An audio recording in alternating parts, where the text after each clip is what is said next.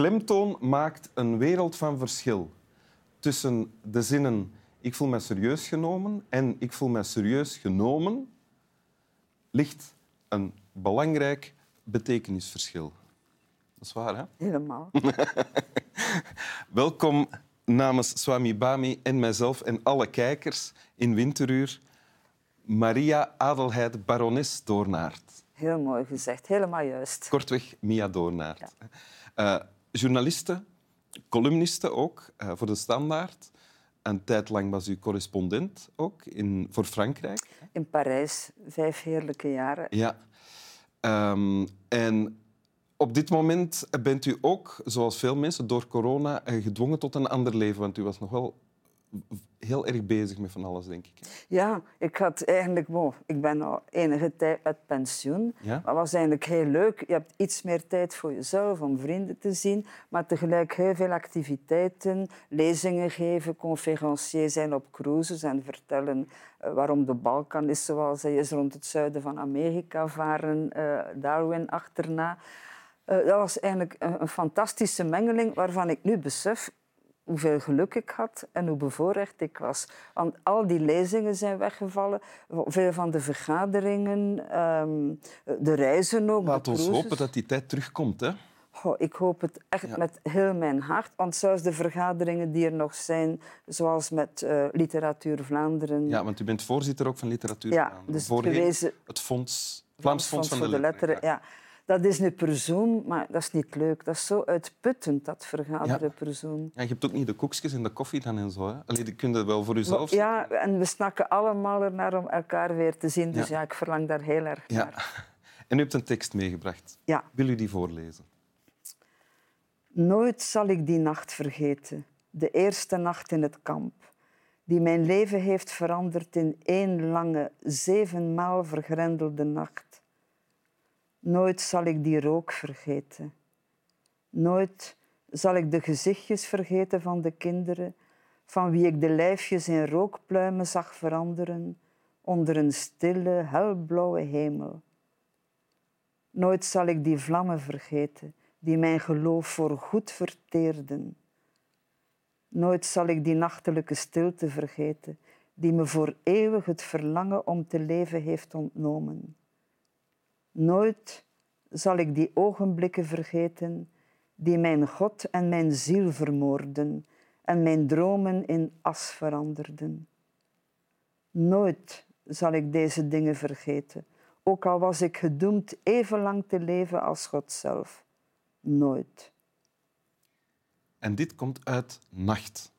Nacht van Elie Wiesel. Dat is een kind van een Joodse familie uit Transylvanië. En die nacht... Roemenië, hè? Ja. ja.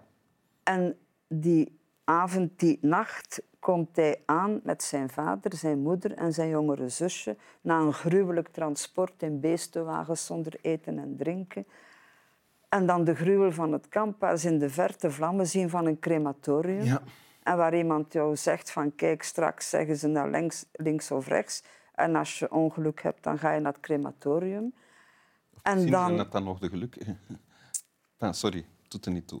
Als je ongeluk hebt, ga je naar het crematorium, maar misschien wordt nog ja, best af. Ja, inderdaad, inderdaad. En dus hij met zijn vader naar één kant is onmiddellijk gescheiden van zijn moeder en zijn zusje. En dus een van die kinderlijfjes die hij tot rook heeft zien veranderen, dat was van zijn jongere zusje. En dat is dus het begin, die eerste avond in het kamp van Auschwitz. Waar... Dat is die nacht waar hij het hierover heeft in dit ja, fragment. nooit zal ik die nacht vergeten. En dus die mijn dromen in as veranderden, die mij het verlangen om te leven hebben ontnomen. Dus het begin van verschrikkelijke jaren, van ontbering, van vernedering, van uh, mishandeling. Uh, je vraagt je af hoe iemand daar levend is uitgekomen. Zijn vader is daar gestorven uiteindelijk. Ja. Hij hoort nog de kreten van zijn vader van kom bij mij, kom bij mij. En dan is daar ook de vroeging omdat in die onmenselijke omstandigheden, men vernietigt jouw menselijke waardigheid. Je wordt zelf bijna onmenselijk. Hij herinnert zich, als zijn vader al ziek is, roept hij op de zoon. En hij is kwaad op zijn vader dat hij ligt te roepen van voor je het weet zijn daar de kambewakers weer die jou slaag gaan geven. En daarover voelt hij zich dan achteraf weer schuldig. Dat hij kwaad was ge, ge... Dat komt erbij na al de andere na al de vernederingen die je ondergaat, de ontmenselijking, komt dan ook die vroeging. Want hij schrijft daar ook over hoe ze bijvoorbeeld op een transport zitten. Ze zijn al uitgehongerd en daar gooit men enkele stukken brood naar binnen. En ja, hoe mensen zich bijna als wilde honden op dat brood werpen om iets te eten te hebben. Ja. Wat op dat moment normaal is, maar waar je achteraf natuurlijk... Eh, dat draagt nog bij tot de verschrikking waarmee die mensen zijn ook, blijven leven. Ook na 45 uh, eh, zijn onder blijven lijden. Dat schrijft hij hier ook. Hè? Ja, ja. Die zijn, van wie zijn God en zijn ziel vermoord is en zijn dromen in as verandert. Uh, die problemen worden niet opgelost bij een bevrijding. Hè? Nee, nee, nee, en dat is het, de tragedie. Ik heb dat jaren geleden is in Antwerpen gezegd, uh, op een herdenking die door de Joodse gemeenschap elk jaar wordt gedaan. Dat het verschrikkelijke is dat veel van die kambewakers, van die beulen, eh, diegenen die niet terechtgesteld zijn, die hun straf hadden uitgezeten, met een groter gevoel van menselijke waardigheid zijn blijven leven dan de mensen die ze zo ultiem vernederd hadden. Ja. Dat, die, eh, dat, dat bijna onmogelijk is om je persoon weer op te bouwen. En, bon, dit, dit is een aangrijpend boek. Primo Levi heeft iets gelijkaardigs geschreven. Primo Levi heeft zelfmoord gepleegd. Ja omdat het niet meer te doen was. Ja. Elie Wiesel niet. Hij heeft andere boeken geschreven. Hij heeft de Nobelprijs voor de Vrede en gekregen. En waarom kiest u dit? Waarom wil u hierover vertellen?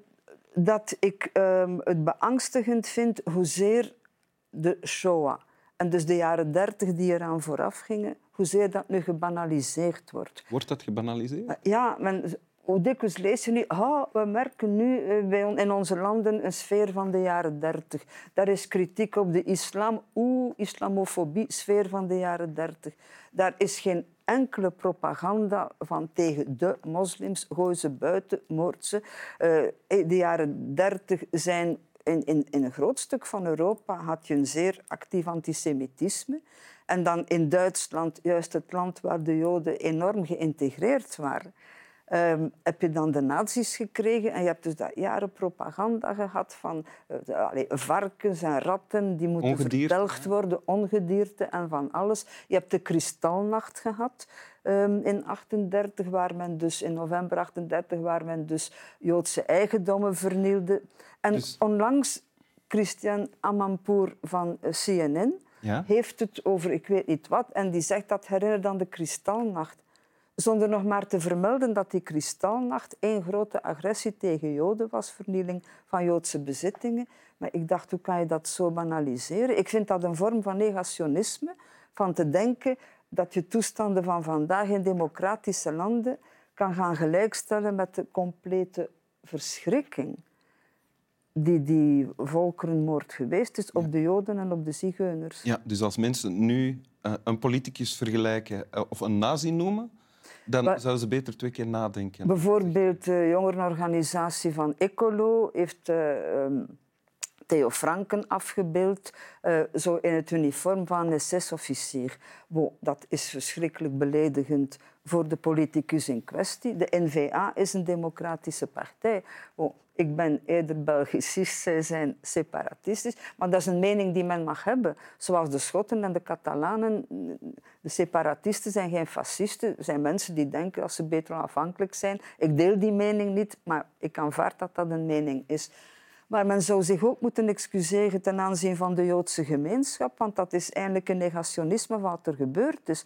Als men doet dat onder de nazi's leven niet erger was dan onder een N-VA-stadsbestuur leven, bij manier van spreken, is toch wel zeer grof.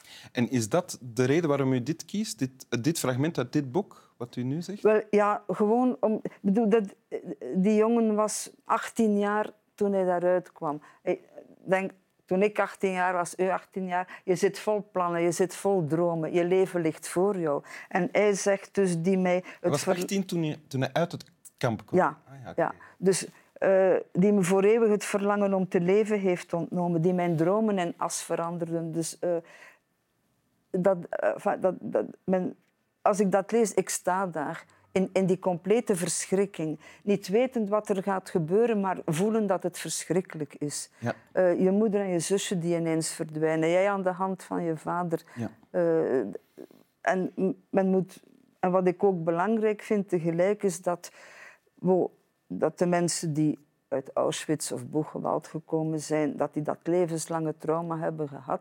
Maar dat geldt ook voor andere mensen die verschrikkingen meemaken. Men mag niet denken dat bon, daar is vrede gekomen. Ik denk bijvoorbeeld aan wat er in Congo gebeurt. Dus in die jarenlange oorlog waar wij heel weinig van gezien hebben. Daar sneuvelden geen blanken, daar was geen tv. Ja. Maar het is verschrikkelijk geweest. En bijvoorbeeld de getuigenissen hoe vrouwen daar mishandeld zijn. Hoe die verkracht zijn met... Allez, kapotgeslagen flessen met bajonetten. En u hebt daar die dokter... Uh, um, dus u...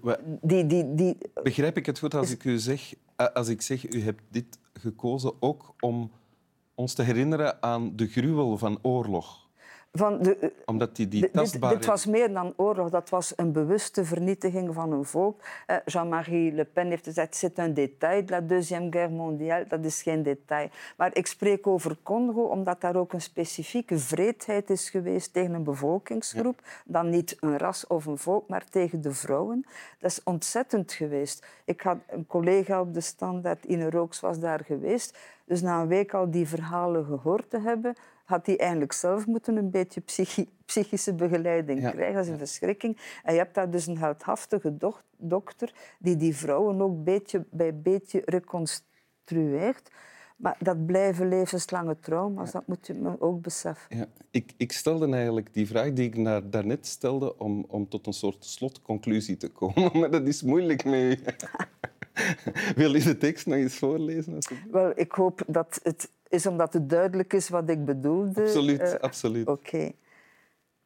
Nooit zal ik die nacht vergeten. De eerste nacht in het kamp, die mijn leven heeft veranderd in één lange, zevenmaal vergrendelde nacht. Nooit zal ik die rook vergeten.